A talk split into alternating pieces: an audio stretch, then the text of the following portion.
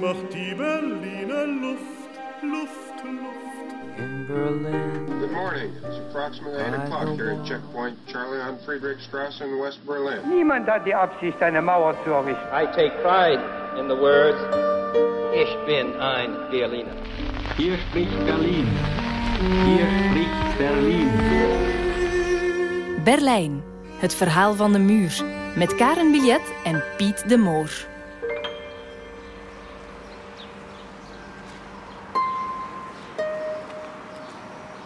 We hebben de bus genomen. We zijn nu in een buitenwijk van Berlijn. Ik denk dat er geen enkele toerist is die hier ooit komt. Uh, Marienvelde heet het hier. En je ziet ook aan het straatbeeld dat we niet meer in het centrum van de stad zijn. Je hebt hier ook wel ja, lage appartementsgebouw. Maar je ziet gewoon ook al aan het publiek op straat dat het hier anders is. Hier, dit is echt de plek waar de Berlijners wonen. De Berlijners die geen geld meer hebben om in het centrum te komen, die zijn uh, naar dit soort wijken afgezakt. Je hebt hier en daar nog een bakker, een kapper, een ijssalon. Maar uh, voor de rest is hier eigenlijk niks te beleven. Waarom zijn we dan toch naar hier gekomen? Wel, omdat hier toch een heel uh, belangrijke plek is. En dat is het noodafnamelager Marienvelde. Je zou dat kunnen vertalen als het noodopvangcentrum Marienvelde. En het is hier gebouwd in 1953 en toen was er ook grote nood aan dat opvangcentrum omdat dat een moment is waarop veel mensen uit de DDR besloten om uh, naar West-Duitsland te vertrekken. Um, je had natuurlijk in dat jaar de opstand gehad hier in Berlijn, waarbij de burgers van de DDR zich tegen um, de DDR-leiders keerden. De Sovjets hebben daar moeten ingrijpen om die opstand uh, plat te slaan. Dat is ook een, een heel bloedig geweest. En dat is toch voor veel mensen een signaal geweest van ja, hier moeten we niet blijven. En je kan dat een beetje vergelijken met de vluchtelingencrisis die we in Europa hebben gehad de laatste jaren. Uh, in 2015 is het ook hier in Duitsland trouwens een probleem geweest. Um, plots stonden er zoveel mensen hier aan te kloppen. En er was niet genoeg plaats om iedereen onder te brengen. En toen hebben ze in West-Berlijn, in West-Duitsland gezegd, we gaan daar een plek inrichten waar we ook alle administratieve diensten onder één dak verzamelen. Want vluchtelingen die naar hier gekomen waren, moesten natuurlijk ook heel wat papierwerk in orde brengen. Er moest onderzocht worden of die mensen wel oprecht naar, naar West-Duitsland wilden komen. Of uh, er was ook heel angst dat er spionnen tussen zaten. Dus er was heel veel dat moest gebeuren. En uh, het is um, een, een, opvangcentrum gebleven tot 1990, dus tot het jaar waarin het Verenigde Duitsland ontstond. En hebben ze eigenlijk heel kort daarna er meteen een museum van gemaakt. En we gaan daar nu eens gaan kijken, omdat daar toch nog heel veel is overgebleven van die periode dat zoveel DDR-burgers naar hier kwamen.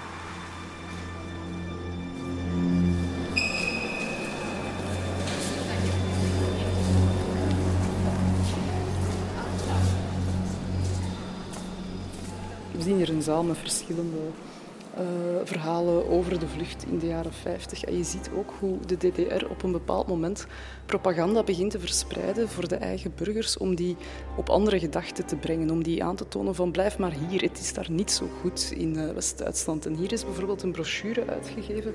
Daarop zie je een foto van allemaal mensen die met pak en zak op de grond liggen. Um, een beetje de situatie die we nu soms ook zien. Hè. Vluchtelingen die in een stationshal uh, in ellendige omstandigheden en onhygiënische omstandigheden liggen. En dan staat er een tekst um, boven waar sprake is van een hetze die door de Amerikaanse zender gevoerd is om mensen, DDR-burgers, overtuigen naar het westen te gaan. En dan lees je in de tekst van ja, maar zo worden die dus gehuisvest. Wie naar het westen gaat, die, die komt in zo'n situatie terecht. Dus dat is al om duidelijk te maken van het is hier beter, blijf maar hier.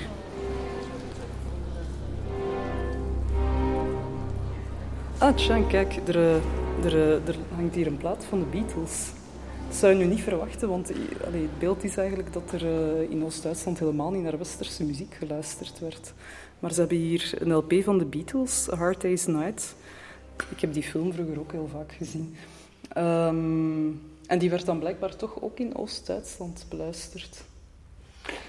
Ja, ja, ja. En dat, dat, dat wil men natuurlijk absoluut vermijden. Hè. En Walter Ulbricht, die daar niets van begreep, die niets van jongeren begreep. Dat was een ideoloog, een, een betonnen kop, kun je zeggen. Uh, en kijk, wat hier in die vitrine zit, er staat een citaat van Ulbricht. Ik ken het, want ik ken het van vroeger. Hij geeft er even zijn mening te kennen wat hij over, uh, over de Beatles en bij uitbreiding natuurlijk over de popmuziek vanuit het Westen denkt. Uh, zal ik het eerst even in het Duits? Ik ben der Meinung genossen enzovoort in het Duits. Ik ben van mening, kameraden, dat met de monotonie van het je, je, je, je en hoe het allemaal heet, dat men eraan verrekkelijk een einde moet maken. Is het dan echt zo dat wij elke drek die van het Westen komt moeten kopiëren? Is het denn wirklich so, dass wir jeden Dreck, der vom Westen kommt, nur kopieren müssen?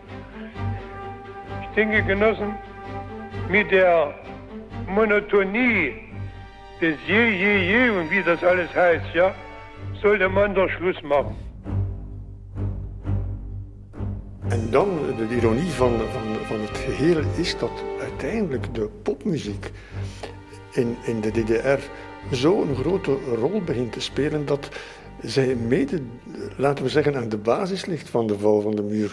Want als er eh, een popconcert was in West-Berlijn, aan de voet van de muur, aan de Brandenburger Tor, dan trokken de jongeren, die wisten dat, in Oost-Berlijn naar de muur om klanken op te vangen. En dat, dat, dat, dat is natuurlijk iets wat men daar absoluut niet kon uh, appreciëren in de leiding, want die jongeren scanderen dan ook op de duur slogan als weg met de muur, weg met de muur.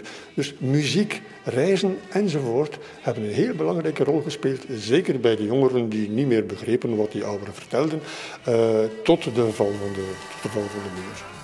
Du glaubst, sie liebt nur mich, gestern hab ich sie gesehen, sie denkt ja nur an dich und du solltest zu ihr gehen, oh ja, sie liebt dich, schöner kann es gar nicht sein.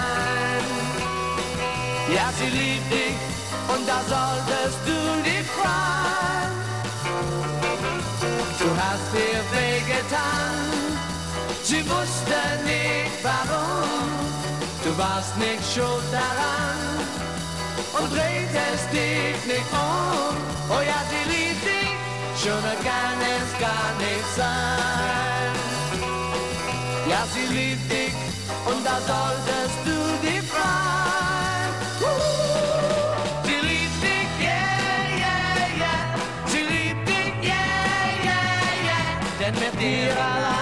kann sie nur glücklich sein. Du musst jetzt zu ihr gehen, entschuldig dich bei ihr, ja das wird sie verstehen.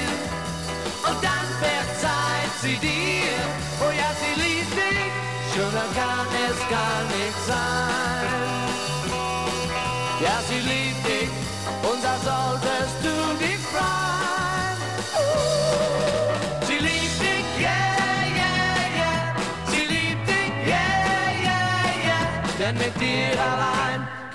nur glücklich sein. Denn mit dir allein kann sie nur glücklich sein. Denn mit dir allein kann sie nur glücklich sein. Berlijn. Het verhaal van de muur.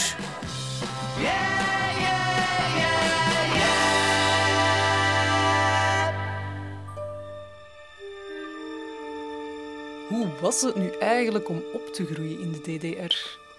Piet, nog ik weten hoe dat zat, want ja, wij waren er niet bij. Maar we hebben iemand gevonden die er wel alles van weet. En dat is Christine Muller. Zij woont nu al heel lang in de buurt van Mechelen, in Muizen. Maar haar kinderjaren speelden zich af in Dresden in de jaren 70. Als je mij vraagt, uh, mijn tijd als kind in Oost-Duitsland. Heb je spijt van dat je daar geboren bent of in, West-Duitsland? Zou je liever eigenlijk daar op de wereld gekomen zijn? Dan kan ik heel duidelijk zeggen van, ik heb daar totaal geen spijt van. Dat ik mijn kindertijd in Oost-Duitsland heb doorgebracht.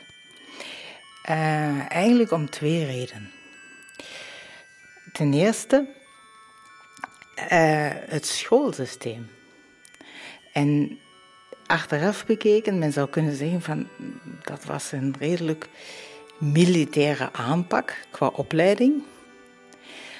Wij kregen onze leerstof zeer gestructureerd, eigenlijk uh, werd die aangebracht, die leerstof. Maar Ik heb ondertussen zelf twee zonen die in het lager onderwijs zitten. Nu, mijn grootste zoon is net, gaat net nu naar de humaniora. En ik zie dat die vandaag van s morgens om half negen tot vier uur uiteindelijk op school zijn. Dat die daarna nog huiswerk moeten doen. Dat die om zes uur gedaan hebben. In mijn schooltijd uh, onze school begon om zeven uur, wat heel vroeg is, maar ten laatste om één uur was dat gedaan. Daarna hadden wij zo goed als nooit huiswerk. Ik was een heel gewoon begaafd kind, maar ik moest me nauwelijks voorbereiden op toetsen. Al de stof werd eigenlijk aangebracht uh, door de leraar. En uiteindelijk uh, heb ik goede punten behaald in die toetsen. Dat was geen probleem. Dus om zes uur vandaag is het ongeveer het uur wanneer mijn kinderen klaar zijn met hun huiswerk. Tussen 1 en 6 had ik wel vijf uur tijd om te rawotten buiten. Dat is één punt. Het andere waar, waarover ik eigenlijk kan zeggen, ik ben heel blij dat ik in Oost-Duitsland ben grootgebracht, is wij waren niet zo verwend. Uh, eigenlijk, eh, wij leerden omgaan met tekortkomingen. We werden quasi opgeleid om plantrekkers te worden. We echte plantrekkers. Dus mijn moeder, die was eigenlijk uh, bang voor onweer toen ik kind was. En mijn vader heeft dan gezegd, ja, het enige wat we kunnen doen is een, een caravan kopen. En dan, uh, in een caravan, dat is een Faradese uh, kooi en daar moet je niet meer bang zijn van de bliksem. Want ze had effectief iemand gezien, zelf als kind, die door een bliksem was doodgegaan. En dat is een beeld wat haar was bijgebleven, dus die was altijd getraumatiseerd daarvan. Nu een caravan te kopen, mijn vader stelde snel vast dat je daar heel lang op moest wachten. Wat deed hij dan? Die heeft gezegd, oké, ik ga dan eentje bouwen. Het volgende probleem was, we hadden maar een Trabant, dus een kleine auto. Die kon natuurlijk niet veel trekken. Dus mijn vader die moest een caravan bouwen die getrokken kon worden eh, van een Trabant. Die staat nog altijd nu in Muizen op onze weide. Want ik krijg het niet over mijn hart. Die caravan die bestaat nog om die weg te doen. Maar hij is daarin geslaagd om die zo licht te bouwen dat eh, onze, onze Trabant die kon trekken. En, een fantastische prestatie uiteindelijk. Want uh, het moeilijkste was eigenlijk om al die materialen weer te, verzamelen. Dus hij liep dan, ook tijdens zijn werktijd, liep hij dan campings af en hij keek dan overal, hoe bouwt men zoiets? En hij ging in gesprek met mensen. En uh, op die manier is hij zo stilgezaan, heeft hij een plan in zijn hoofd gevormd en dan heeft hij al die materialen verzameld over maanden heen en heeft dat zelf samengezet. En dan konden wij eigenlijk met op vakantie gaan met die caravan. En dat was heel typisch voor Oost-Duitsland, die plantrekkerij. Ik kan u een ander voorbeeld geven. Mijn, buurman, die dat was een, een jonge man, die wou heel graag met een auto rijden. Maar men moest tien jaar of langer wachten op een auto. En hij had twee broers. En wat deden die? Die gingen van autokerkhof naar autokerkhof. Verzamelden alle onderdelen en die bouwden van nul een complete wartburg. En ze hebben dan een eh, cabrio van gemaakt. Een fantastische auto. En ik ben daar zo graag met hem rondgereden. Want ja, dat was voor mij ik vond het onwaarschijnlijk dat iemand dat kan, dat, dat hij dat tot stand hebben gebracht. En hij was er trots op. En bij mij heeft het heel lang geduurd in West-Duitsland, totdat ik begreep hoe het kan dat mannen zo trots kunnen zijn op hun auto, terwijl ze het niet zelf hebben gebouwd.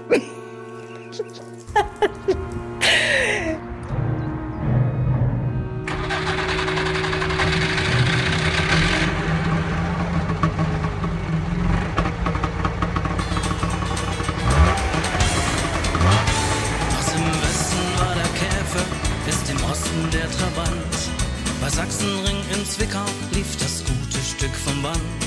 Es gab niemals genügend, denn der Mangel war Beschluss. 15 Jahre Wartezeit mit sozialistisch Gruß. Also kann man sagen, die Partei ist daran schuld. Ein Ostauto ganz heiß begehrt wird zum Endloskult. Ich liebe meinen Trabi, richtig heißt er ja Trabant. Fahre meinen Trabi, das Gefühl setzt mich in Brand. Alle, die ihn fahren, den Trabi wohl die größten sind. Ein Erlebnis dieser Trabi schafft er 110 mit Rückenwind.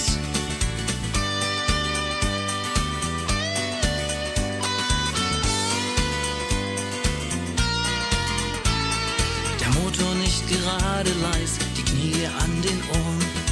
Die Heizung voller Pulle, erfroren. Und 26 Pferde stecken in dem Motor drin. Dafür braucht man kein Airbag, denn das hätte keinen Sinn. Die Lenkung ist nicht servo, wird nach Tonus abgeschmiert. Und ich fahr volle Düse, alles klappert und vibriert. Ich liebe meinen Trabi, für die anderen bin ich blind. Ich liebe meinen Trabi, wenn sie noch so spritzig sind. Ich liebe meinen Trabi, selbst wenn die Erde bebt. Ich liebe meinen Trabi, denn die Trabi-Legende lebt.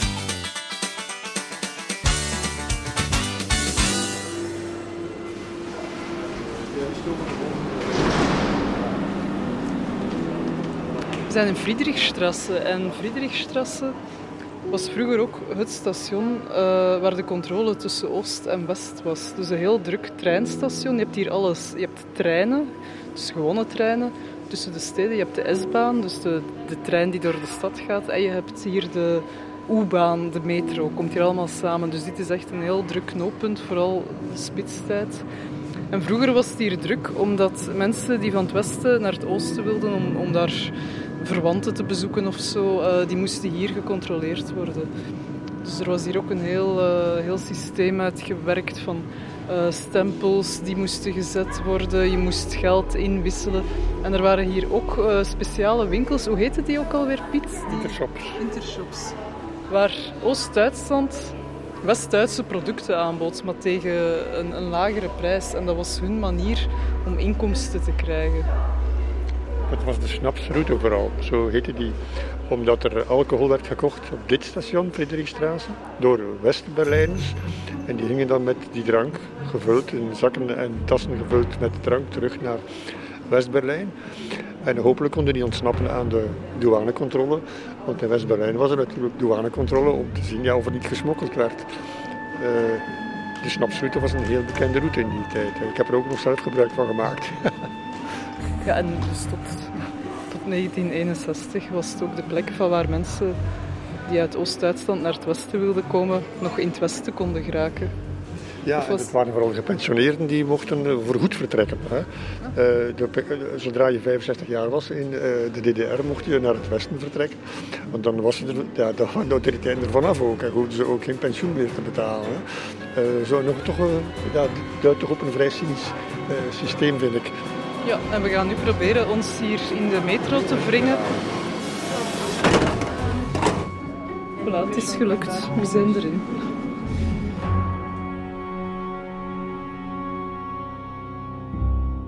In 1963 uh, komt men in West-Duitsland toch op het idee om politieke gevangenen, zo zou men ze kunnen noemen, politieke gevangenen die in DDR-gevangenissen zitten omdat hun vluchtpogingen mislukt, om die vrij te kopen.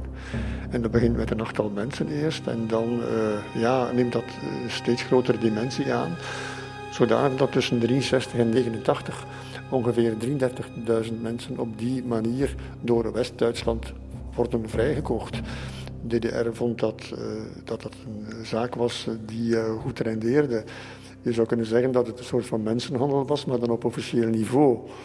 En uh, uh, de DDR had op uh, altijd nood of behoefte aan harde deviezen. Want hun munt was niet zoveel waard. Hè. En daarom werd natuurlijk altijd verhandeld in West-Duitse mark. En ja, je zou kunnen zeggen, ongeveer de totale som van, van mensen die toen tussen Oost en West verhandeld werden, dat kwam dan toch op ongeveer een som van 3 miljard Duitse marken. Dat is toch wel een, een enorme som als je zo wilt. Berlinerinnen, Berliner, wieder einmal haben wir die Menschen dieser Stadt zusammengerufen.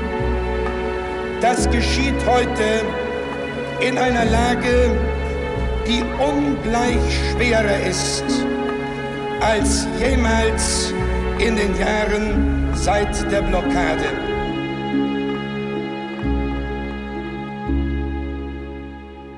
Je hebt sinds de, de oprichting van, van de Bondsrepubliek en uh, de DDR in de geschiedenis dan twee grote bewegingen in de tijd.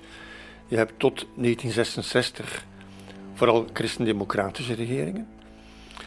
Uh, er zijn geen akkoorden met de DDR, er bestaat in feite niets. En die willen de invloed van de DDR gewoon terugdringen en hopen dat op een of andere manier de hereniging zo tot stand komt. Heel belangrijk is dat Willy Brandt op het moment dat de muur in 1961 wordt gebouwd, burgemeester is in West-Berlijn. Die kent de problematiek van de stad zeer, zeer goed.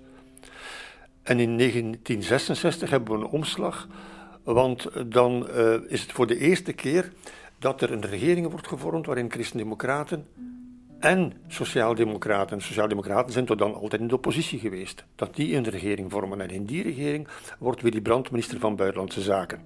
Dat is één. Dat is heel belangrijk, omdat hij dan al uh, weet, wij moeten hier iets ondernemen. En het klimaat was er ook naar, want internationaal had je Kennedy uh, gehad, die wou dan toch uh, eigenlijk ook dat er meer stabiliteit was in de wereld en in Europa en tussen de, tussen de grootmachten. En je had in België zelfs het rapport Harmel gehad, waarin de NATO, waarin blijkt dat, minister Harmel, waarin blijkt dat de NATO er dezelfde ideeën op nahoudt dus het, het Westerse militaire bondgenootschap, als Kennedy. En, en Willy Brandt past daar zeer goed in. Hij, achteraf beschouwd zou je kunnen zeggen dat hij geen pionier was, maar iemand die veel meer dan Adenauer en al die oude rotten hier van de Christen-Democraten, die de internationale politiek veel, veel beter volgde. En ook, hij was ook veel jonger natuurlijk en wist wat er aan de hand was. In 1969, en dat is toch verrassend, want wat nu vanzelfsprekend is, is uh, in die tijd een verrassing, wordt Willy Brandt bondskanselier. In een regering met de liberalen. Ik vraag den Abgeordneten Brandt, nemen Sie die Wahl an? Ja, president, ik neem die Wahl aan. Ik stel fest. En vanaf dit moment is zijn idee ook, alles wat goed is voor West-Berlijn, is goed voor Duitsland. Wij moeten verdragen sluiten zodanig dat uh, Duitsland, DDR, West-Duitsland en West-Berlijn een factor van rust worden in het hart van Europa, zodanig dat er geen oorlog meer mogelijk is. En heeft daarbij twee grote punten. En het eerste grote punt is: er mag geen geweld gebruikt worden tussen de staten. En twee, want grenzen zijn heel belangrijk. Als er grenzen worden veranderd, dan mogen ze alleen maar veranderd worden in een klimaat van wederzijdse toestemming van de partijen die erbij betrokken zijn. En dat is de filosofie waarmee hij als bondskanselier vertrekt en waarmee hij verdragen wil afsluiten die de vrede in Europa bevorderen. En daarvoor heeft hij natuurlijk Moskou nodig. Want Moskou is, laten we zeggen, in de internationale politiek en in Oost-Europa uh, de, de partij die uh, al die landen van Polen tot tot Hongarije en uh, Tsjechië, Tsjechoslowakije contro controleert. Uh, wij moeten een, een, een, een, verdrag hebben met Moskou. En dat gebeurt in 1970. En dat is het vertrekpunt van alle belangrijke. Het verdrag van Moskou in 1970 is het verdrag van alle belangrijke vertrekpunten van alle verdere verdragen. En ook van het verdrag van Berlijn dat er later zal komen. En dat lukt op een wonderbare wijze. En het is allemaal net afgesloten en goed afgesloten. Al die verdragen op het ogenblik dat er dan de val van Willy Brandt komt door een spionagezaken. Maar het belangrijke werk is geleverd, kunnen we laten zeggen, uh, tussen 1970 en 1973. Dat, dat, dat is, zou je kunnen zeggen, het, het begin van het moment waarop er op, een, op ooghoogte, zegt men hier, kan gesproken worden tussen de partij of de regeringen in uh, West-Duitsland en de regeringen of de partijleidingen in Oost-Duitsland. En dat gebeurt dan ook. De, de muur uh, wordt steeds meer transparant, er is steeds meer beweging. De, de, burgers van, van het Westen, het is allemaal niet zo gemakkelijk, maar goed, die kunnen naar, naar Oost-Berlijn en die kunnen naar Oost-Duitsland. Er wordt heel veel gediscussieerd ook daar. en dat is het begin van, van laten we zeggen, een, een, een, uh, ook in de DDR, een, een uh, maatschappij die ook aan de discussie, aan de Duitse discussie, uh, begint deel te nemen. Waar moeten wij naartoe?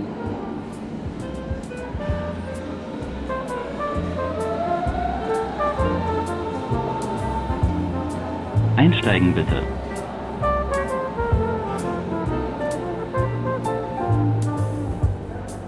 Berlijn. Het verhaal van de muur met Karen Billet en Piet de Moor.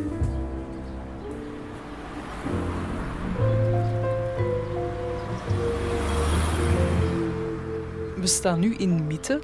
Um, dit is nu het centrum van, van Berlijn sinds 1989. Maar toen de muur hier nog stond, lag deze buurt helemaal aan de rand van Oost-Berlijn. En het was een verloederde buurt. Dat kan je je vandaag niet meer voorstellen, want alles ziet er hier heel mooi opgeknapt uit. Maar toen, ja, er staan hier heel veel gebouwen van voor de Tweede Wereldoorlog. En die gebouwen lagen nog deels in puin of waren gewoon nooit echt goed hersteld. En de overheid investeerde er ook niet in, omdat ze liever mooie nieuwe appartementsgebouwen aan, in het toenmalige centrum van de stad bouwden. Met als gevolg dat toen de muur viel, die hele buurt hier totaal uitgeleefd was. En ik hoor nog altijd van mensen die in de jaren negentig Berlijn gekend hebben, die zeggen, eh, we kunnen onze ogen niet geloven hoe het hier veranderd is sindsdien. En dat zie je ook hier op de plek waar we nu staan. Um, het is een oud industrieel gebouw in baksteen. En ja, die gevel is gewoon heel mooi verzorgd nu. Um, alsof het hier eigenlijk nog maar gisteren opgeknapt is. En u vindt hier een heel amalgaam van, van bedrijfjes en start-ups, want dit is de plek waar iedereen wil zijn. Het is ondertussen ook een van de duurste wijken van Berlijn. En wij gaan hier de kelder induiken, want er is een jazzclub. En het is vooral Piet die hier naartoe wilde. Want hier zit iemand die in Berlijn rondliep in de jaren 70. Dus op het moment dat Willy Brandt die verdragen met het Oosten afsloot. Ik was in 2013 met mijn zoon en uh, een kameraad van mijn zoon. Die was toen een jaar of uh, eh, 25. En uh, ja, dat zijn twee jazzfanaten. We passeren hier en we zien de sloot, dat is hier een jazzkelder. En die twee, ja, die waren elke avond op jazztocht en die nemen me mee. Ik ben niet zo'n jazzgek eigenlijk, maar toch, die nemen me mee naar de sloot dat betekent eigenlijk de schoorsteen. Het is een kelder. Uh, en daar uh, ja, speelt zich elke avond een jazzgebeuren af. En uh, mijn zoon met, met zijn kameraden gaan vooraan zitten om het allemaal goed te kunnen meemaken.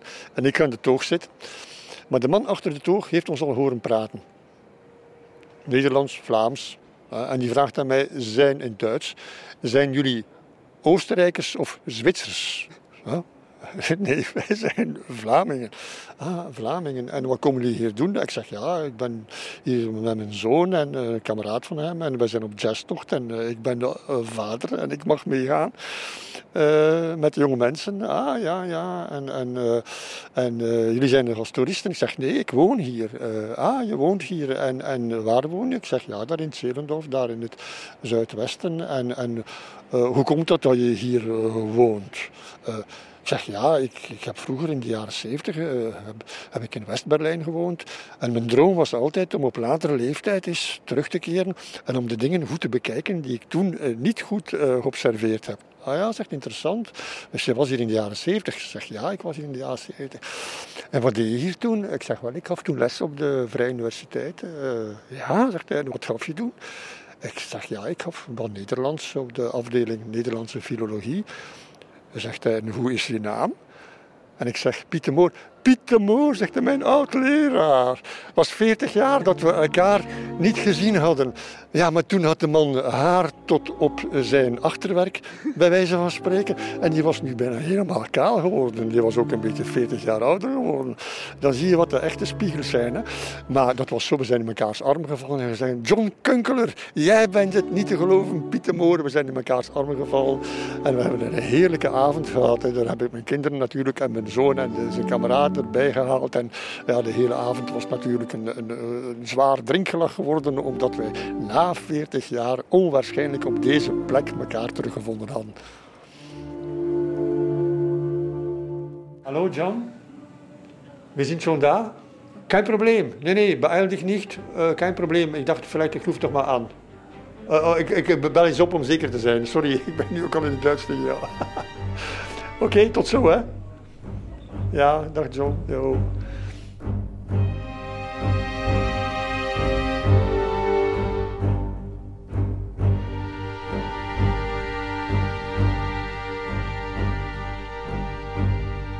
Je mocht gewoon naar Oost-Berlijn. En uh, ik, ik heb het ook al diverse keren gedaan.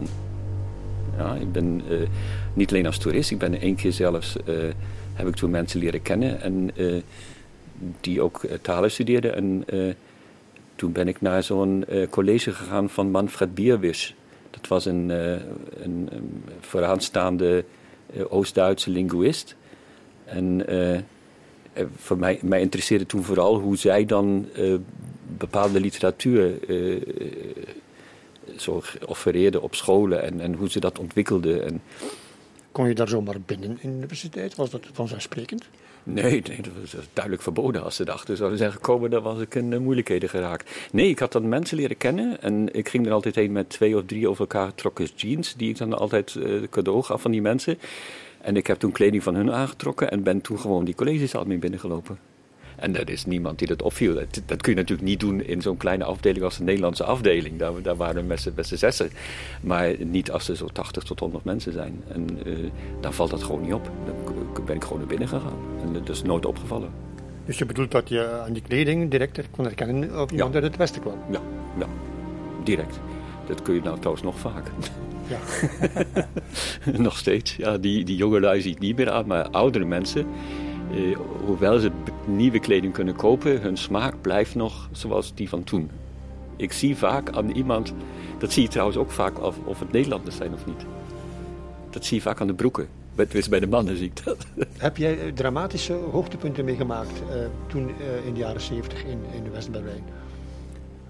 Uh, zo dramatisch misschien niet. Het enige wat, wat wel, waar ik nog steeds aan moet denken als ik bij Friedrichstraße uitstap is dat ik een keer uh, bezoek uit Nederland had. En we hadden toen afgesproken dat we dan uh, smiddags uh, om, om 12 uur naar Oost-Berlijn zouden gaan. En daar mocht je dan tot middernacht blijven. En dan kon je altijd heel goedkoop eten en boeken kopen en zo'n beetje rondkijken en zo. in ieder geval door die hele controles heen, dat duurt dan altijd anderhalf, twee uur voordat je daar helemaal doorheen bent. Je kun je pas laten zien en dan word je tien keer bekeken. En dan was je pas eerst even een kwartiertje weg en dan kwamen ze weer terug en dan keken ze nog een keer. En eindelijk waren we toen uit aan de achterkant uh, bij het trainenpalast. En daar was toen een, een, een, nevel en een mist en daar rolden tanks En een herrie. Op het moment bleef ons hart staan. We dachten dat de oorlog uitgebroken was. Ja? Toen waren ze daar opnames aan het maken voor een film. Voordat je dat al realiseert, dan moet je natuurlijk rot lachen. Dan, maar in het begin sta je even stokstijf als je daar naar buiten komt. En uh, ja, dat, dat was een heel moment wat ik waarschijnlijk nooit meer zal vergeten. Maar ja, voor de rest liep je dan uh, die bekende paden zo naar Alexanderplatz. En, uh, en, en je, kocht dan ook meestal boeken en, en, en, spullen die daar heel goedkoop waren. Ik vond dat wel leuk in die in die Kaufhäuser, uh, dat is een warenhuis, no? Dat. En uh, daar hadden ze dan spullen die, die bij ons uh, 20, 30 jaar daarvoor nog net kon krijgen. dat vond ik altijd wel leuk. Maar voor de rest had je ook nauwelijks mogelijkheden daar eh, contact op te nemen met die mensen. Het was niet zo dat je daar, dat je daar echt ontmoetingen zou provoceren. Dat, dat, tenminste, ik heb het niet gedaan, zeg maar zo. In ieder geval één keer was ik te laat terug ook. Uh, en uh, had ik, ik had toen een Renault, een Renault 8. En die had de bagageruimte voorin. En ehm, ik had altijd, omdat ik toen als, als student nog, ik woonde toen alleen, ehm, had ik een, een, kamer in de vijfde verdieping in, op een, in zo'n hinterhof.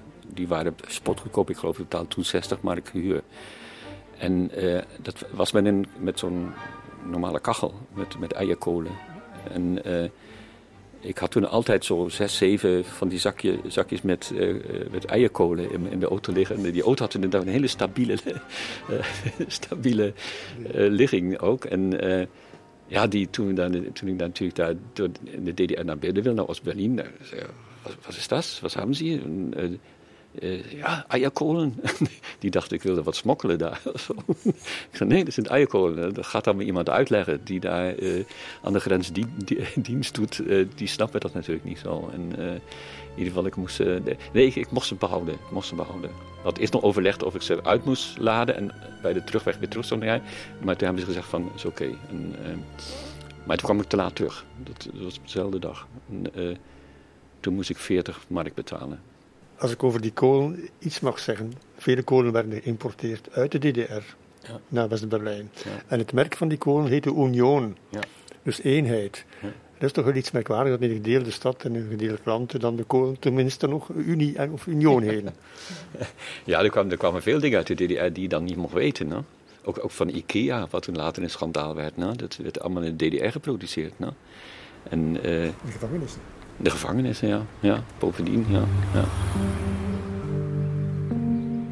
Ja, je had toen natuurlijk, dat was toen de, de tijdsgeest van toen, linksradicale studenten en hele uh, opstanden en een soort uh, revoluties aan de universiteit, die gaan natuurlijk ook gepaard met, met cultuur en muziek. Ja, dat is logisch. En je had in, in Duitsland uh, interpreten zoals Frans Jozef Degenhardt, die dan echt zo socialistische strijdliederen hadden gecomponeerd en gezongen. En die, die, die traden dan op voor, voor een bepaald soort publiek, zeg maar. Omdat die eigenlijk nooit de kans hadden om op de televisie te komen. Ja, dat, bepaalde dingen kun je alleen maar in die tijd ook goed plaatsen. Ja, die, die zijn dan niet meer, nu niet meer actueel. Ja, dat, uh, als die mensen dan toch proberen door te gaan, eh, werkt het af en toe wat een beetje ja, ridicuul, vind ik bijna. Dat, dat past niet meer zo. Je kunt dat niet meer met dezelfde overtuiging brengen zoals dat uh, toen was. Maar daar waren toen die, liedjes van Degenhard, die kende iedereen uit van buiten bijna. Ja. August de Schäfer, dat weet ik nog. Dat is een Augustus der Herder. August der Schäfer hat Wölfe gehört, Wölfe mitten im Mai. Zwar nur zwei, doch der Schäfer, der schwört. Die hätten zusammen das Fraßlied geheult, das aus früherer Zeit. Und er schreit und sein Hut ist verbeult. Schreit rasch, holt die Sensen, sonst ist es zu spät schlagt sie tot, noch ehe der Hahn dreimal kräht. Doch wer hört schon auf einen alten Hut und ist auf der Hut und ist auf der Hut?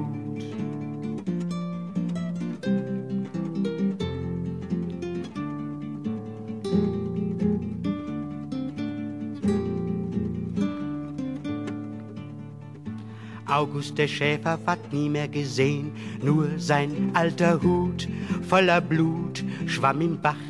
Circa zehn hat dann später das Dorfhexenkind nachts im Steinbuch entdeckt, blutbefleckt und die Schnauzen im Wind. Dem Kind hat die Mutter den Mund zugehext, hat geflüstert, bist still oder du verreckst. Wer den bösen Wolf nicht vergisst, mein Kind, bleibt immer ein Kind, bleibt immer ein Kind.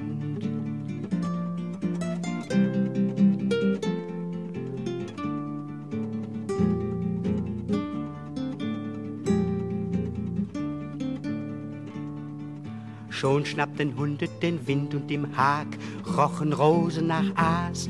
Kein Schwein fraß, Eulen jagten am Tag. Hühner verschachten die Eier im Sand, Speck im Fang wurde weich, aus dem Teich krochen Karpfen ans Land. Da haben die Greise zahnlos gelacht, gezischelt, wir haben's gleich gesagt. Düngt die Felder wieder mit altem Mist. Sonst ist alles Mist, sonst ist alles Mist.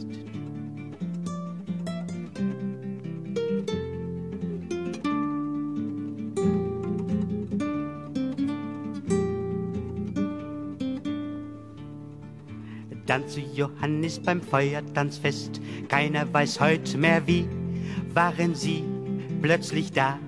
Aus Geäst sprangen sie in den Tanzkreis, zu schnell bissen Bräute ins Gras und zu blass schien der Mond, aber hell, hell brannte Feuer aus trockenem Moos, brannte der Wald bis hinunter zum Fluss.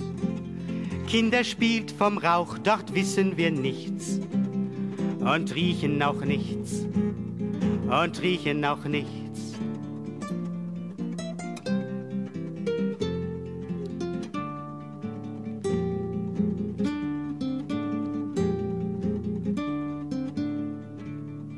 Jetzt kommen Zeiten, da heißt es heraus mit dem Gold aus dem Mund.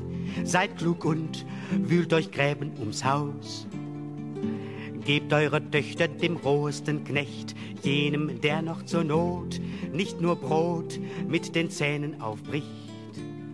So sang der verschmuddelte Bauchladenmann und pries Amulette aus Wolfszähnen an, wickelt Stroh und Stacheldraht um den Hals und haltet den Hals und haltet den Hals.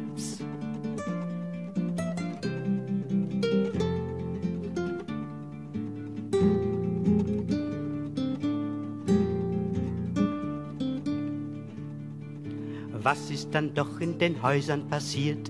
Bisse in Balken und Bett, welches Fett hat den Rauchfang verschmiert? Wer gab den Wölfen die Kreide, das Mehl? Stäubte die Pfoten weiß, welcher Geiß glich das Ziegengebell? Und hat sich ein siebentes Geißlein versteckt, wurden Wackersteine im Brunnen entdeckt. Viele Fragen, die nur einer hören will der stören will, der stören will.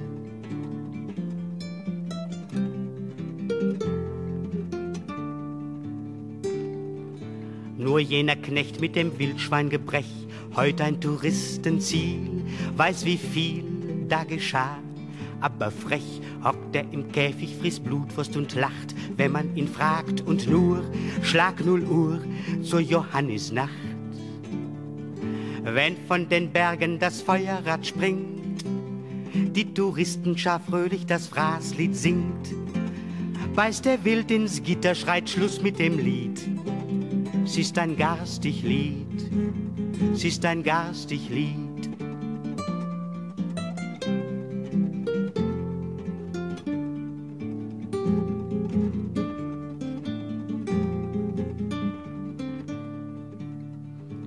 August der Schäfer hat Wölfe gehört, Wölfe mitten im Mai, mehr als zwei, und der Schäfer, der schwört, die hätten zusammen das Fraßlied geheult, das aus früherer Zeit, und er schreit, und sein Hut ist verbeult. Schreit rasch, holt die Sensen, sonst ist es zu spät.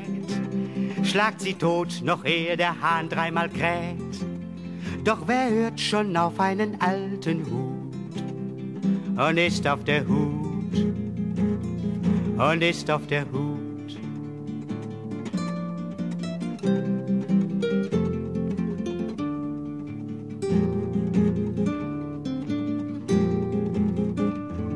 Berlijn, het verhaal van de muur. We zijn uh, in Oranienstrasse en dat is een van de centrale straten in Kreuzberg. Kreuzberg, oeps, bijna omvergereden door een auto. Um, dus echt een voorbeeld van een wijk in Berlijn waar ook de bevolking de hele tijd verandert. Um, lag tijdens de deling vlak achter de muur aan de westelijke kant. En dat was ook de reden waarom veel mensen hier wegtrokken, want die wilden niet zo dicht bij de muur wonen. Er kwamen heel veel oude woningen vrij. En die woningen werden ingevuld in de eerste plaats door veel migranten uit Turkije. Want door het feit dat de muur gebouwd werd, verhuisden veel mensen weg uit Berlijn en was er een gebrek aan arbeiders. En wat deed Duitsland om, om hier toch nog voldoende mankracht te hebben? Ze sloten akkoorden met andere landen. Uh, dat een beetje zoals het ook bij ons in België gebeurd is uiteindelijk. Dus ze sloten akkoorden met bijvoorbeeld Turkije en Marokko en ook met Joegoslavië. Wat ook verklaart dat je hier in Berlijn een heel grote uh, Joegoslavische gemeenschap hebt, wat je bij ons dan weer niet vindt. En vandaag ziet Kreuzberg er ook nog altijd heel Turks uit. Daarmee bedoel ik, er zijn nog altijd veel Turkse winkels Turkse restaurantjes en cafés. Dat is ook niet altijd duidelijk op het eerste zicht. Maar als je binnengaat, zie je dat er uh, mensen met Turkse wortels uh, de zaak uitbaten. En los daarvan is dit dan ook de plek waar uh, de hele alternatieve jeugd die door Berlijn was aangetrokken vanaf de jaren 60, 70 ook naartoe kwam. Omdat je hier dus veel leegstaande huizen had die dan ook gekraakt werden. En uh, voilà, al die sporen vinden we hier zo op straat nog een beetje terug in het straatbeeld. Ook al zijn we al zoveel jaar verder. Men uh, sprak wel eens van uh, de gesloten afdeling van het gekkenhuis West-Duitsland. Dus het ommuurde West-Berlijn als een krankzinnige gesticht. een filiaal van het, ja, het gesticht West-Duitsland. Zo, zo, zo kan men het formuleren. Als je vandaag in Berlijn woont, dan, heb je, dan komt er altijd een moment waarop je een buurman of buurvrouw hebt waarmee je het aan de stok krijgt. Omdat die bijvoorbeeld de godganse dag joints aan het roken is, totdat die geur naar je eigen woning overslaat. Of omdat het mensen zijn die midden in de week s'nachts loeiharde muziek beginnen te draaien, terwijl je zelf vroeg moet opstaan om te gaan werken. En als die dan gaat aankloppen bij die buren om daar je beklag over te doen, dan is de kans heel groot dat die mensen gaan zeggen: Dit is Berlijn, leer ermee te leven. Dus er heerst zo'n beeld van Berlijn als de stad waar een totale vrijheid is, waar alles kan en mag. En ja, ik vind het toch wel interessant om te merken dat dat gewoon een mythe is die in de jaren zeventig ontstaan is. Net op het moment dat al die wilde en alternatieve mensen naar West-Berlijn kwamen. En dat we eigenlijk 30 jaar na de val van de muur zitten. Dat de stad ook maatschappelijk zo veranderd is. Maar, maar dat er nog altijd een soort mythe is blijven leven van Berlijn als wilde stad. Terwijl dat voor heel veel mensen die in Berlijn wonen haaks op de realiteit staat. Want ga om vijf uur s ochtends in de metro gaan staan en het perron staat vol met mensen die die al onderweg zijn om te gaan werken, die geen tijd hebben om uh, elke avond te gaan fuiven. En ja, dat vind ik dus heel interessant. Dat de manier waarop die samenleving vandaag in Berlijn in elkaar zit, dat jij nog altijd zijn oorsprong vindt in wat er hier gebeurd is voor 1989.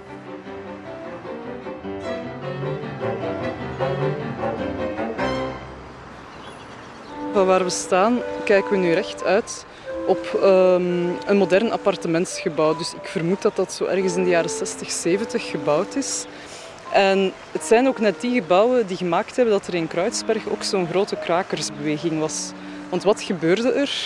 Um, in die tijd ging de West-Duitse of de West-Berlijnse overheid ervan uit dat heel veel oude gebouwen die nog in de oorlog vernietigd waren, dat ze daar eigenlijk niks meer mee konden doen.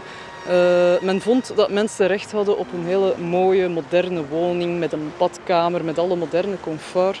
En er werden allerlei plannen uitgetekend om van die mooie nieuwbouw woontorens te maken. Ik zeg bewust mooie nieuwbouw woontorens, omdat er toen zo over gedacht werd.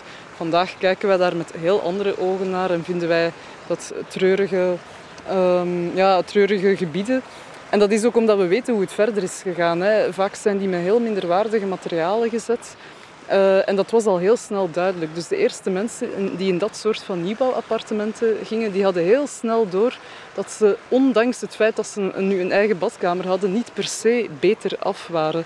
En het is bijna als een soort protest daartegen, uit een soort kwaadheid, dat mensen ook bewust weer terug naar die oude woningen zijn gegaan en daar illegaal gaan wonen zijn, omdat ze toch vonden dat er, dat er daar beter iets mee kon gedaan worden. Er werd gedacht van er staan hier nog zoveel mooie oude panden. Waarom wordt het geld niet gestoken in die oude gebouwen, in het opknappen daarvan, zodat wij daar mooie woningen kunnen hebben?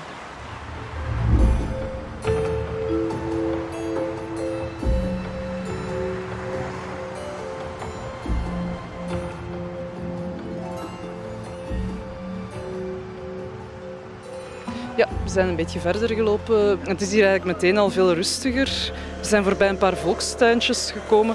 En dan doemt er plots een historisch gebouw op, mooi bakstenen gebouw. Nu wel bedekt met veel graffiti ook. Maar uh, Piet, dit is het uh, Betanienhuis. Het Betanienhuis was uh, vroeger een, ik spreek dan van de 19e eeuw, overgang naar de 20e eeuw, een ziekenhuis, een verzorgingsinstelling. Ehm, het is een gebouw met ja, heel veel historische lading. De beroemde schrijver Theodor Fontana, die uh, een apothekersopleiding had en uh, die, dat, die dat beroep ook korte tijd heeft uitgeoefend, heeft in het ziekenhuis nog gewerkt. Het is een prachtig gebouw dat bijna het slachtoffer geworden is van de sloopwoede die uh, in de jaren 70 en 80 in Berlijn geheerst heeft.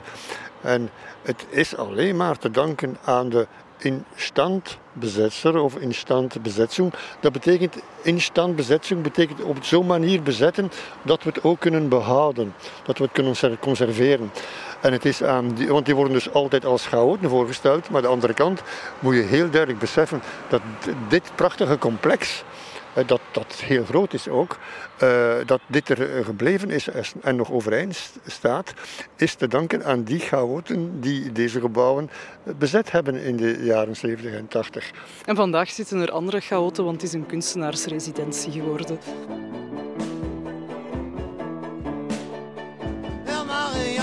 Platz war blau, so viel Bullen waren da. Und Mensch Meier musste heulen, das war wohl das Tränengas. Und er fragte irgendeinen, sag mal, ist hier heute ein Fest? Sowas ähnliches, sagte einer. Das Bethanien wird besetzt. Wird auch Zeit, sagte Mensch Meier, stand ja lange genug leer. Ach, wie schön wäre doch das Leben, gibt es keine Pollis mehr. Doch der Einsatzleiter brüllte, räumt den Mariannenplatz damit meine Knüppel gerade genug Platz zum Knüppeln hat. Doch die Leute im besetzten Haus riefen, ihr kriegt uns hier nicht raus.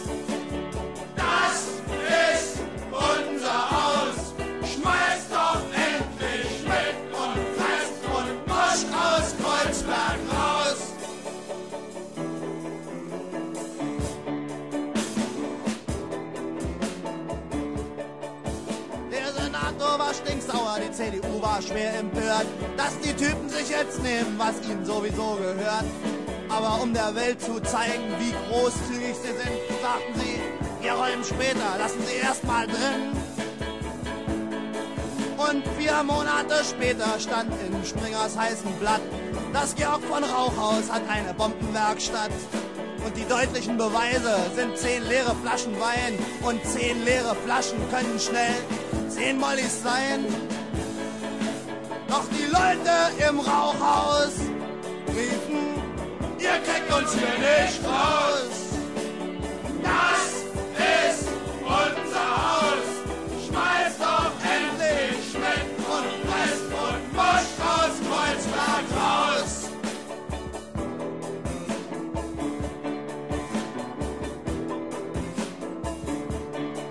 Letzten Montag fragt Mensch Meier in der U-Bahn seinen Sohn. Der sagt, wollen das Rauch ausräumen, ich muss wohl wieder zu Hause wohnen.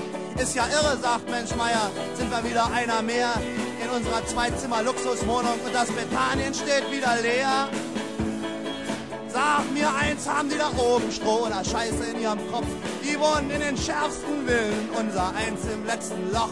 Wenn die das Rauchhaus wirklich räumen, bin ich aber mit dabei und hau den ersten Bullen, die da auftauchen, ihre Köpfe ein und ich schreie es laut. Ihr kriegt uns hier nicht raus. Das ist unser Haus. Speist doch erst erstmal Schmidt und Brest und Mosch aus Kreuzberg raus. Und wir schreien's laut. Ihr kriegt uns hier nicht raus. Das ist unser Haus.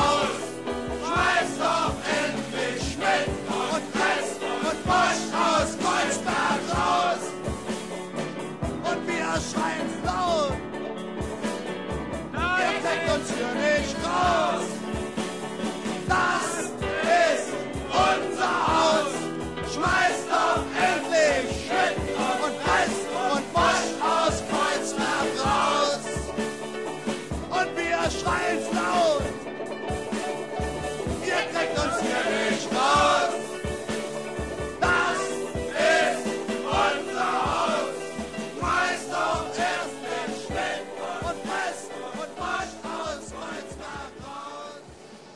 Berlijn, het verhaal van de muur. Met Karen Billet en Piet de Moor.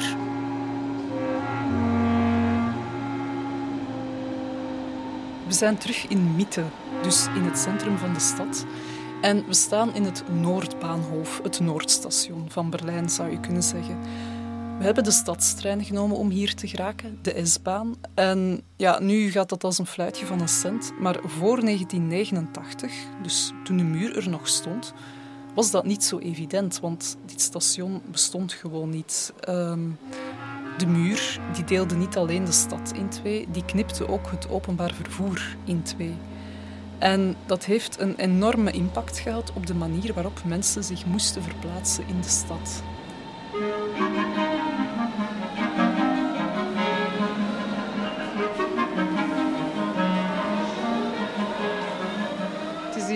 Ontzettende drukte in het station, dus het Noordbaanhof wordt ook gebruikt. Maar hier komen ook heel veel toeristen, heel veel schoolklassen die rondleidingen krijgen. Dat is ook wat je nu de hele tijd om ons heen hoort. En daar is de reden voor. Dit is geen gewoon station. Want het station was er, er reden treinen door, maar je kon niet opstappen en je kon niet afstappen. En dat is wat ze vandaag een Geisterbahnhof noemen. Het principe van de Geisterbahnhof, uh, ja, hoe is dat tot stand gekomen? Door allerlei verdragen na de bouw van de muur en ook onder de, het burgemeesterschap van Willy Brandt en later ook onder het bondskanselierschap van Willy Brandt heeft men geprobeerd en heeft men is men er ook in geslaagd om overeenkomsten te sluiten met, met Oost-Berlijn met de DDR. En in Berlijn zelf heeft men geprobeerd om de infrastructuur, die door de, de treininfrastructuur, die door de bouw van de muur helemaal uh, in de war was, om dat op een zekere manier te herstellen. Het kwam erop neer dat de S-baan en de U-baan, een paar lijnen ervan, namelijk de, de, de SS1 en ook de U-baan nummer 6 en 8 geloof ik, vanuit West-Berlijn naar West-Berlijn gingen, maar onder Oost-Berlijns grondgebied. En onder dat Oost-Berlijns grondgebied waren er natuurlijk ook stations. Maar die stations werden niet aangedaan door die treins, die passeerden er wel, maar die stopten daar niet. Dat waren de zogenaamde Geisterbahnhoven, die ook weer streng bewaakt werden. Want alle toegangen tot die Geisterbahnhoven die waren niet toegankelijk voor Oost-Berlijners. Die waren allemaal dichtgemetseld of afgegrendeld. Nu het bijzondere ervan, en ook uh, vind ik het, het, het, het, het menselijke, dat er ook lijnen waren waar de, de, de stadstreintjes elkaar kruisten. En dan konden de mensen die van west naar west gingen, die de bovengronds uh, gingen, in oogcontact komen met de Oost-Berlijners die in het aanpalentraject zaten van de trein en die elkaar kruisten. En dat, was een soort, dat waren heel aangrijpende momenten, want uh, daar was de vrijheid, daar was de treintjes uh, die met de mensen naar de vrijheid gingen en de anderen die konden er niet uit. En dat oogcontact, daarover is er ook wel heel wat te doen geweest en geschreven van uh, ja, we kijken elkaar in de ogen, maar we kunnen elkaar niet bereiken. Sebastian, mijn man, die herinnert zich nog als kind hoe hij op de S-baan door die gesloten stations reed. En dat heeft op kinderen ook een enorme indruk gemaakt toen die, die zwarte lege perrons waar de trein ook een beetje trager doorheen reed.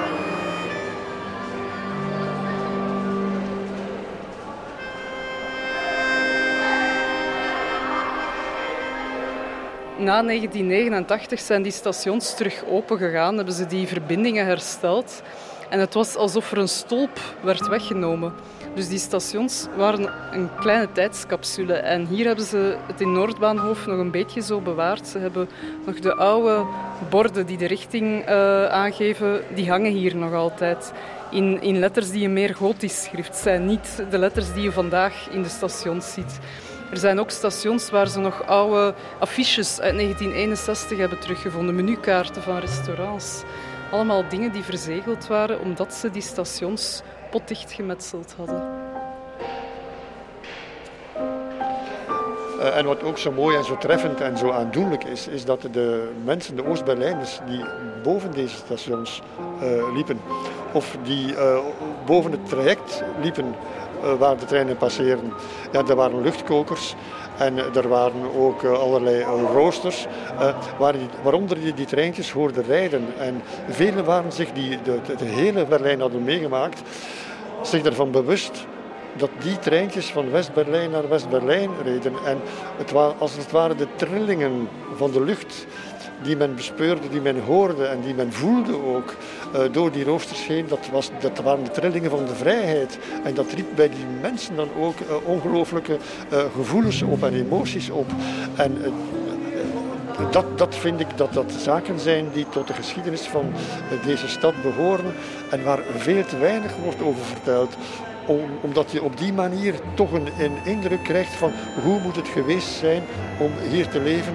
En uh, wat, wat zou ik in godsnaam kunnen ondernemen om, om uh, die trillingen te volgen en, en die weg naar de vrijheid mee te maken. Want zoals gezegd, dat was het grote punt altijd. Wij willen die muur overwinnen, wij willen reizen, wij willen vrijheid om te reizen.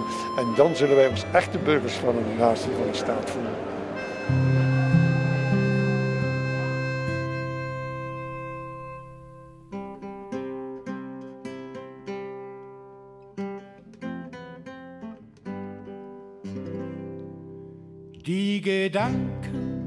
Sind frei, wer kann sie erraten?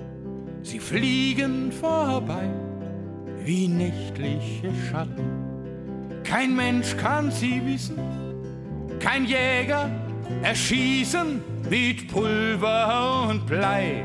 Die Gedanken sind frei.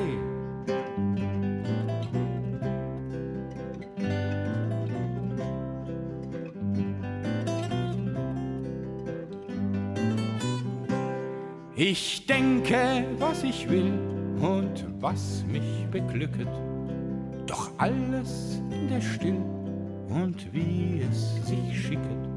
Mein Wunsch und Begehren kann niemand verwehren, es bleibet dabei, die Gedanken sind frei.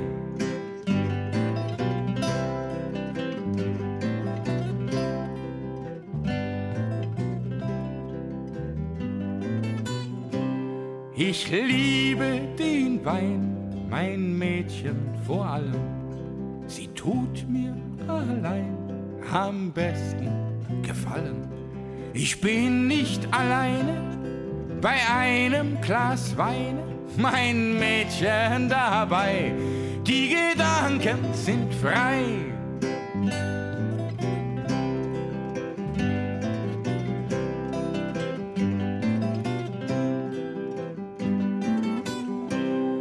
Sperrt man mich ein in finsteren Kerker. Das alles sind rein vergebliche Werke, denn meine Gedanken zerreißen die Schranken und Mauern entzwei. Die Gedanken sind frei. Junge Pioniere, Achtung! Als Kind werd ik natuurlijk ook geconfronteerd met, uh, je moet een pionier zijn. Wir jungen Pioniere, Söhne und Töchter des deutschen Volkes, geloben bei unserer Pionierehre. In Oost-Duitsland was het algemeen zo dat vanuit ja, de overheid, laten we zeggen, dat kinderen vanaf de eerste klas van de school, zover ik me herinner, begon dat eigenlijk vanaf zes jaar dat men een soort feest vierde en iedereen kreeg officieel een halsdoek en was dan jonge pionier. Dat was eerst blauw de eerste jaren en dan vanaf een bepaalde leeftijd, ik weet niet meer wanneer, was het rood. Dat was men dan Tijlman pionier. En dat was een beetje een voorbereiding. Men probeerde kinderen aan te leren trots te zijn op het uh, socialistische systeem en zich te engageren. Wir Jungpioniere lieben unsere deutsche demokratische Republik. Wir Jungpioniere lieben den Frieden. Wir Jungpioniere halten Freundschaft mit den Kindern der Sowjetunion und aller Länder. Wir Jungpioniere lieben unsere Eltern. Wir Jungpioniere sagen die Wahrheit. Dus wij kregen eigenlijk, uh, uh, ze probeerden ons eigenlijk um, wijs te maken dat, dat het een echt uh, heel, heel goed doel is om, om aan dat systeem mee te werken en via maatschappelijk engagement actief bij te dragen.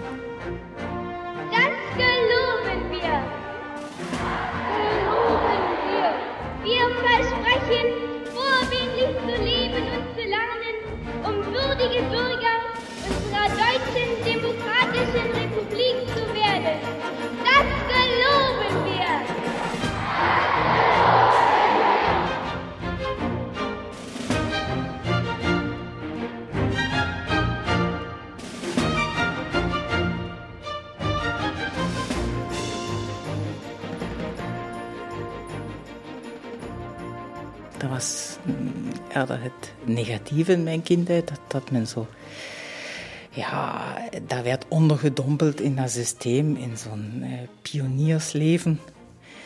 Maar mijn ouders hebben dat onmiddellijk geplaatst. Ik weet, ik kreeg mijn eerste halsdoek als jonge pionier. Ik kwam daarmee naar huis en mijn vader en mijn moeder die legden mij dat uit. Dat is pure propaganda.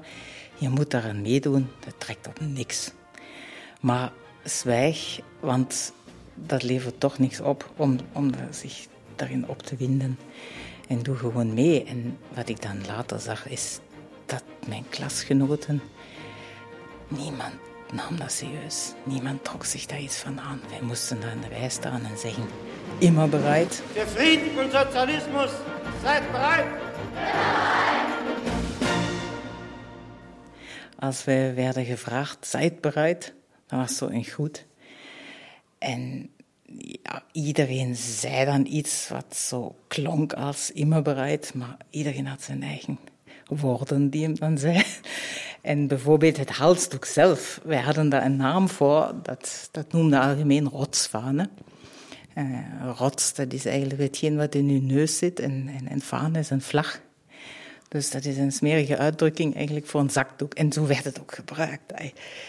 Wij hebben, wij hebben daar heel weinig waardering voor over gehad, voor heel dat pioniergedoe.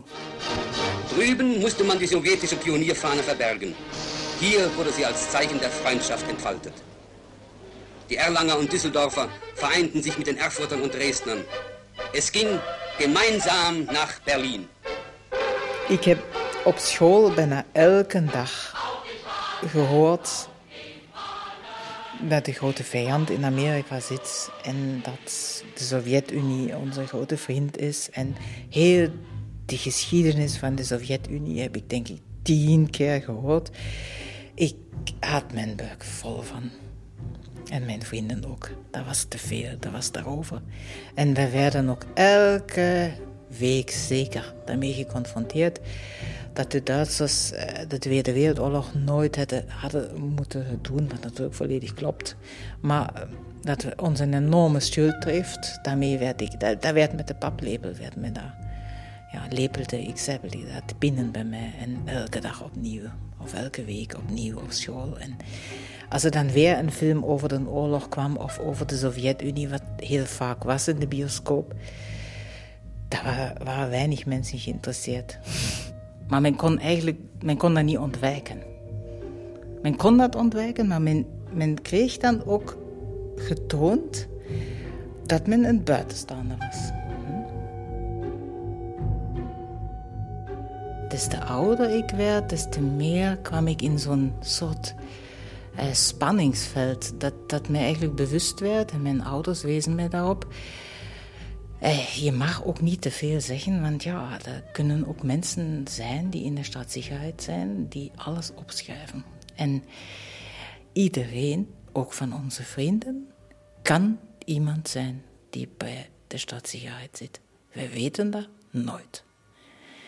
Dus wees voorzichtig met wat je zegt. En ik leefde dus elke dag, dus de ouder, en ouder ik werd, in die eh, onzekerheid heb ik misschien te veel gezegd. Men schepte vertrouwen doordat iemand afkwam op u en zei van ja, ik vind dat eigenlijk niet kunnen, dat of dat. En soms was er nog een groepsdynamiek daarbij, dat er andere mensen ook bij kwamen die zeiden ja, ik zie dat ook niet meer zitten, dat kan toch niet. En dan begon men eigenlijk eh, negatief te spreken over bepaalde thema's. Maar eh, men moest zich altijd inhouden en altijd opletten op alles wat men zei. En dat stapelde zich innerlijk op bij mij. Meer en meer en meer. Dat ik op den duur zo een onrechtvaardigheidsgevoel in mijn lichaam had. Van waarom kan ik niet gewoon vrij men zeggen wat ik denk? Want ik voelde ook aan dat het niet klopt. En ja, dat was natuurlijk niet zo fijn. Dat, dat maakte zo die, die sfeer soms kapot. Ook in, in, in het reizen, dat je gewoon nooit uh, de Alpen mag zien of naar Italië mocht gaan. Dat dat gewoon nooit mogelijk is, omdat iemand anders dat voor u zo beslist. En het was heel duidelijk waarom dat zo was. Wij mochten het Westen niet zien, omdat we anders hadden gezien hoe mooi dat het is en we waren niet teruggekomen. Dus dat wist ook iedereen in Oost-Duitsland. Dat is de reden waarom ze ons niet laten reizen. Daar was iedereen zich bewust van. Je kon in de DDR niet zeggen wat je wilde. Je kon ook niet lezen wat je wilde. Er waren boeken die je simpelweg niet in de boekhandel of in de bibliotheek vond. De reden waarom dat zo was, was soms heel duidelijk, omdat er politieke ideeën in stonden die, die, die niet geliefd waren bij het DDR-bestuur. Uh, een boek als De Gulag-archipel van Solzhenitsyn, ja, het was toch wel een zekere kritiek op, op het hele Sovjet-systeem. Dus uh, ja, dat ging je uiteraard niet vinden. Maar de redenen waarom teksten of boeken verboden werden, waren soms ook veel subtieler. Een heel mooi voorbeeld van dat omgaan met teksten is bijvoorbeeld dat de Spaanse internationale brigadisten, Duitsers, die in de Spaanse burgeroorlog uh, hadden meegevochten uh, aan de kant van de Republikeinen tegen Franco, dat die in de DDR, eh, die Duitsers die dat hadden meegemaakt, ook scholen bezochten en daar in de les over spraken wat zij in Spanje hadden meegemaakt tijdens de burgeroorlog. En die zongen ook liederen. En in een van die liederen was sprake van de prachtige Spaanse blauwe hemel. Maar door het feit dat er geen reisvrijheid was in de DDR, werden die mensen op de duur gemaand om die liederen niet meer te zingen omdat de, het, het, vernoemen, het vermelden van die mooie Spaanse blauwe hemelen de reislust zou kunnen opwekken van de eh, leerlingen van de scholen waar die, die, die, die veteranen eigenlijk uh, kwamen, kwamen spreken. En uh, zo heb je een heleboel woorden die op de duur, ik zou niet zeggen dat die verboden werden, hè, maar men had niet graag dat men die gebruikte. Zo woorden als cruise of wereldreis of zo. Er werden ook woorden uit de woordenboeken geschrapt, doeden die de mensen op verkeerde ideeën zouden kunnen brengen, enzovoort, enzovoort. Uh, het, het, taalgebruik van de DDR is een heel interessante uh, onderneming om dat te bestuderen.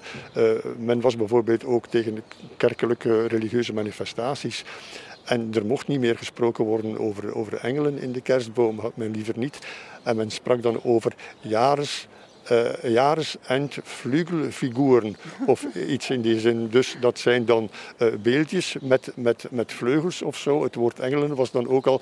Maar dat vond men op de duur zo onnozel dat het dan weer werd geschrapt.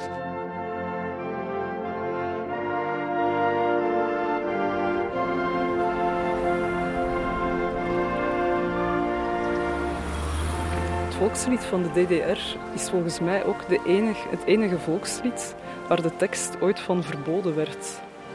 Dat is een werk van Hans Eisler, Auferstanden aus Ruinen. Een heel mooi, heel mooi stuk in feite. En het merkwaardige aan dat volkslied van de DDR is ook dat na 1973 het alleen nog instrumentaal mocht worden uitgevoerd. Dus tot dan had je die tekst van Johannes Becher, die werd meegezongen, maar daarin is sprake van het herenigen van Duitsland. En dat moet dan toch een boodschap zijn die de DDR-leiding niet in dat nationale lied wilde meegeven.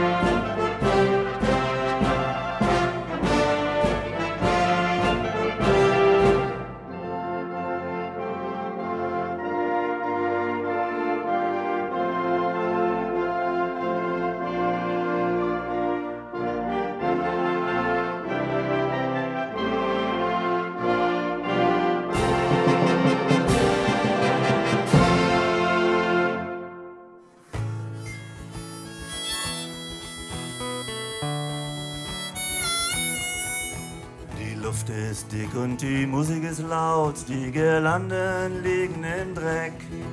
Der Bräutigam hat die Stimmung versaut, die Braut ist schon lange weg.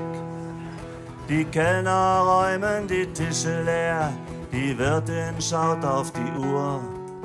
Sie hat eine helle Bluse an, auf der steht Grand Prix d'Amour.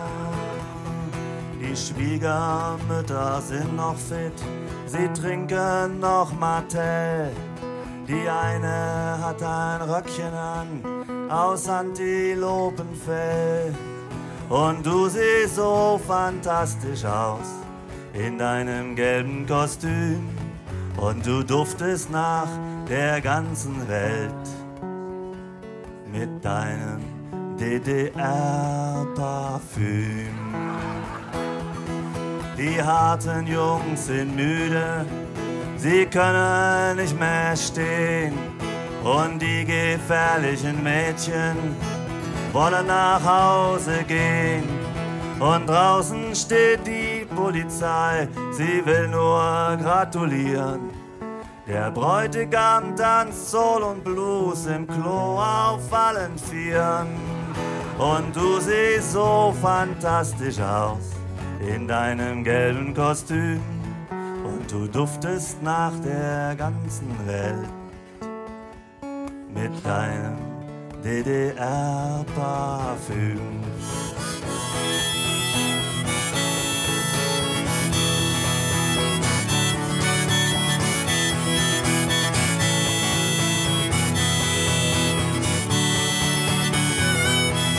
Und du siehst so fantastisch aus in deinem gelben Kostüm und du duftest nach der ganzen Welt mit deinem DDR-Parfüm.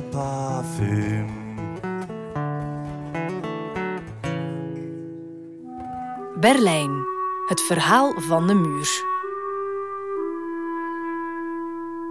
Ik werkte in een instituut, uh, in een fysicalisch instituut. Mijn opdracht was daar om instrumenten uh, eigenlijk na te zien, te controleren of die nog goed functioneerden. Zo bijvoorbeeld manometers moest ik uh, proeven opdoen en zo. Ik moet zeggen, we spreken natuurlijk nu eigenlijk van het laatste jaar voor de val van de muur. Ik zag eigenlijk alleen mensen die op hun werk van alles deden, maar niet werkten. Schrijnend. Op de eerste dag werd ik rondgeleid door een afdelingsleider. En ik zag die man, ik zie die nog voor mij, een hele sympathieke uitstraling had hij, met heel veel rimpels. En die zag zijn collega's daar zitten skaten, eh, zo'n kaartspel. Die zag die babbelen, die zag die drinken. En die heeft mij overal moeten rondleiden. Ik zag overal mensen die, of waren die afwezig. Ja, ik heb dan eigenlijk continu toestanden meegemaakt die mij toch lieten zien, dit kan niet blijven duren. U moet u dat voorstellen. Daar zaten, ik, ik zie dat nog voor mij, in een kamer, drie mannen kaarten spelen. En, en, mijn collega vroeg hun, moesten jullie eh, niet, ik weet niet meer welk toestel, repareren? Want dat was blijkbaar hun opdracht. En dan zeiden die, ja, we hebben geen M6-schroeven. We hebben die niet. We wachten erop. En dan zei hij, ja, hoe lang willen jullie nog wachten? En die moesten dus een aantal dagen wachten. En dan zaten die in die tijd kaarten spelen, want die hadden geen werk. Maar die baas heeft ook verder geen vragen gesteld, omdat iedereen het zo deed en hij zelf ook. En eh, het werd getolereerd. Ik zag elke dag mijn, collega's eens eh, lopen in winkels. Een keer waren er bananen en een andere keer was er iets anders wat men kon krijgen. En, en iedereen werd dan afgebeld. Uh, ja, vandaag is het daar of daar. En, dan gingen die mensen daar naartoe vulden hun zakken en kwamen weer terug. En toen werd mij bewust van, dit is onhoudbaar. Dus hier kan men geen toekomst opbouwen, want als iedereen op die manier bezig is, dan ja, zal dat stranden. Dat zou niet kunnen blijven duren. En ik had geleerd op school, Karl Marx heeft gezegd, als er twee verschillende systemen naast elkaar bestaan, gaat het economisch sterkere systeem winnen. Dat had ik geleerd. Staatsburgerkunde was een vak bij ons. En ik was mij daar wel bewust van dat dit gaat niet het sterke systeem zijn. ja.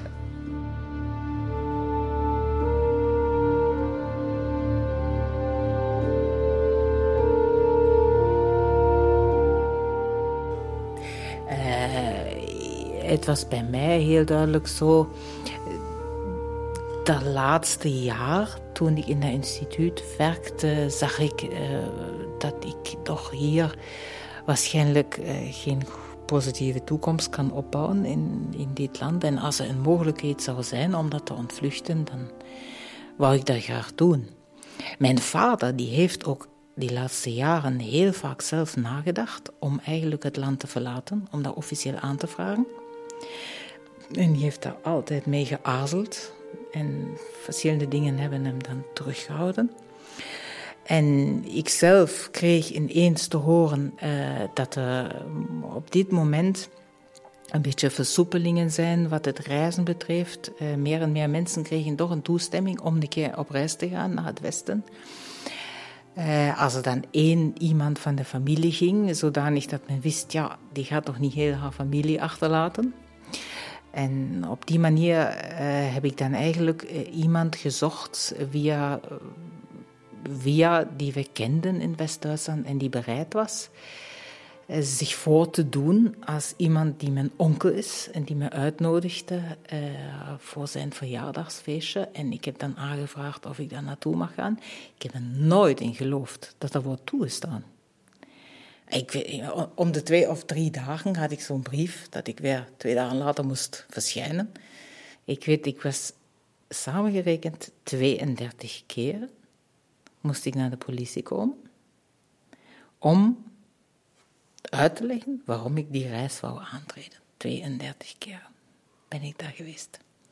En heel vaak zat ineens een andere agenda die mij ondervroeg van, ja, waarom wilt u die man bezoeken en wie is dat eigenlijk en hoe lang wilt u blijven en hoe zit dat? En ik moest het hele verhaal opnieuw vertellen, dat het gewoon iemand is, een familie, die heeft zijn vrouw verloren, dat klopt ook. Alleen hij was niet van mijn familie, maar ze konden dat niet weten omdat hij eigenlijk van, van Schlesien kwam en na de oorlog waar, door de oorlog waren die papieren verloren gegaan. Dus ze konden dat niet echt weten. En dan was het zomer en ik zag dat er waarschijnlijk mensen met vakantie gingen. Iedere keer zat er iemand anders. En op een gegeven moment sloeg die laatste agent effectief zijn boek toe en hij zei: Ja, ik ga dan mesje. En ik was compleet overdonderd. Ik dacht van, wauw. En die man zei van, ga maar.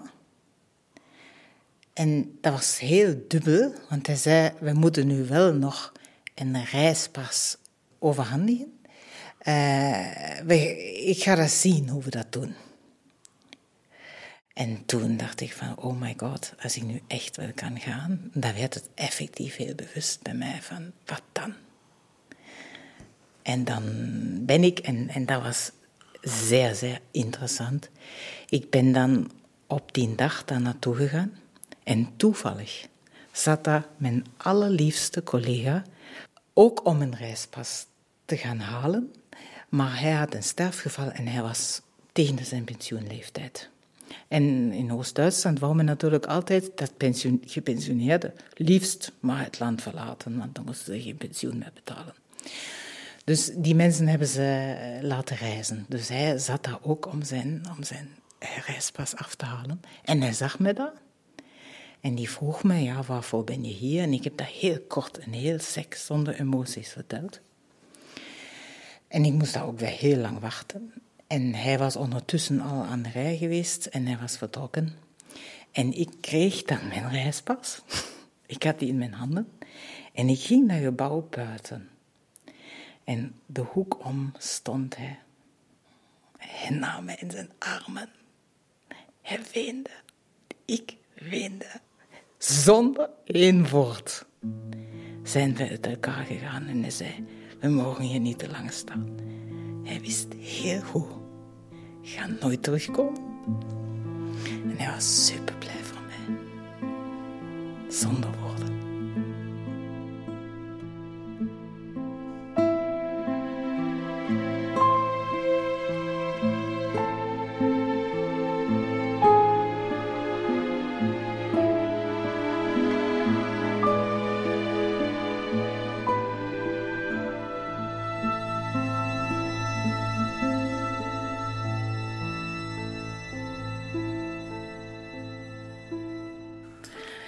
Ja, en dan moest ik eigenlijk heel snel beslissen wat neem ik mee. En dan was het volgende dat ik wist, ze mogen mij niet pakken aan de grens. Want als ik nu, hetgeen wat ik eigenlijk nodig had, waren mijn resultaten van mijn humaniora. Dat ik kon aantonen van, ik heb mijn twaalf jaar school gevolgd, ik heb mijn humaniora gevolgd, ik wil gaan studeren.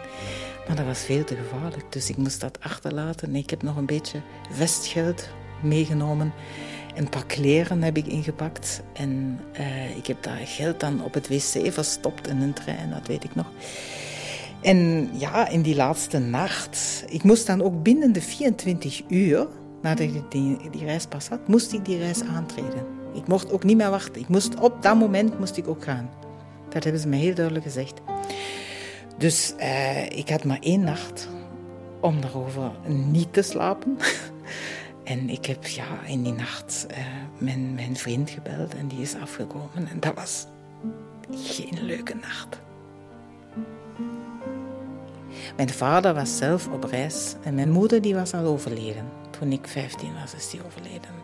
En, dan zat ik dan in die trein met oudere vrouwen die zeer uh, trouw waren aan het systeem. Dat zag je zo. En die heel gesloten en kort en ja, die waren toch wel helemaal anders dan, dan mijn omgeving. En ik, die, die spraken me continu ook aan. Ja, en wat ga je dan dat doen? En wilden van alles weten. En ik moest dus continu mijn houding bewaren. Dat niemand ook maar kon vermoeden dat ik dat fantastisch vind dat ik die reis mag aantreden. En ik kan me herinneren dat duurde dan, we bleven dan s'nachts lang staan aan die grens en daar kwamen honden en daar werd er wat gecontroleerd. En op een gegeven moment vertrok die trein weer en niemand wist waar waren wij nu eigenlijk. En op een gegeven moment keek ik uit het raam en ik zag, we zijn in Wolfsburg. Wauw, daar viel zo een last van mij af. Ik dacht, nu is het voorbij.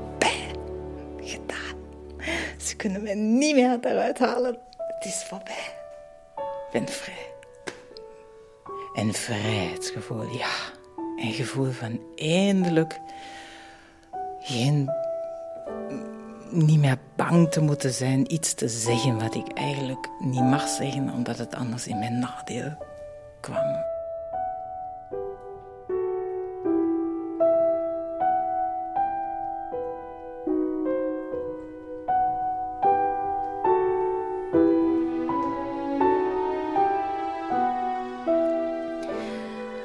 Het eerste wat ik had was echt een vrijheidsgevoel. En dan die komende week, die was heel zwaar.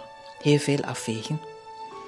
Maar mijn vader, die was erin geslaagd om mij ook op te bellen en met mij in contact te treden. Die heeft mij heel duidelijk aan de telefoon gezegd. En ze konden dat ook afluisteren, dat wist hij ook. Maar hij had er zo genoeg van, van Oost-Duitsland, dat hij zelf zei achteraf van... Hadden ze mij maar afgeluisterd, mij kon het niet meer schelen.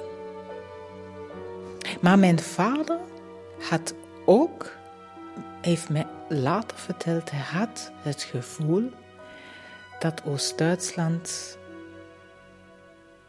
ten einde ging. Hij zei, ik zag dat in dat systeem zoveel niet meer functioneerde.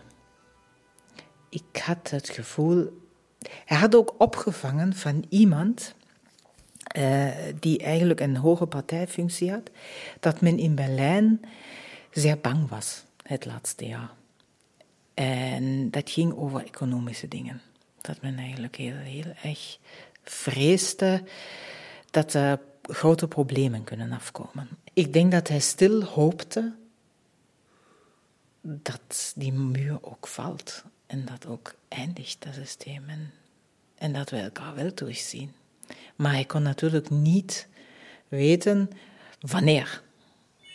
En zeker niet dat het zo snel zou gebeuren. Nee, niemand. Ik, anders had ik dat nooit gedaan. Een paar dagen nadat die muur quasi was gevallen en iedereen mocht die grens oversteken, stond mijn vader voor de deur met mijn broer. Die kwam direct op bezoek. Die is gewoon met een auto doorgereden en die heeft mij bezocht. Ja, dat was ongelooflijk. Ja. maar ik was dan beginnende studenten. Had een eigen appartementje en eh, ik was, ja, wat ik huurde. En dan, dan kwam mijn papa en mijn broer en dat was super. Dat was natuurlijk fantastisch. Maar dan was het de grote vraag van, ga je nu naar Dresden terug? Nee, omdat daar natuurlijk alles ineens op zijn kop stond. Dus ook die universiteit, wat, gebeurt daarmee? Heel veel leraars, heel veel professoren werden ontslagen omdat die eigenlijk meededen aan dat systeem. En ja, dat was allemaal zo onduidelijk hoe dat verder gaat, dat ik dan, dan daar ben, eigenlijk ben blijven hangen. In Wuppertal, waar ik studeerde.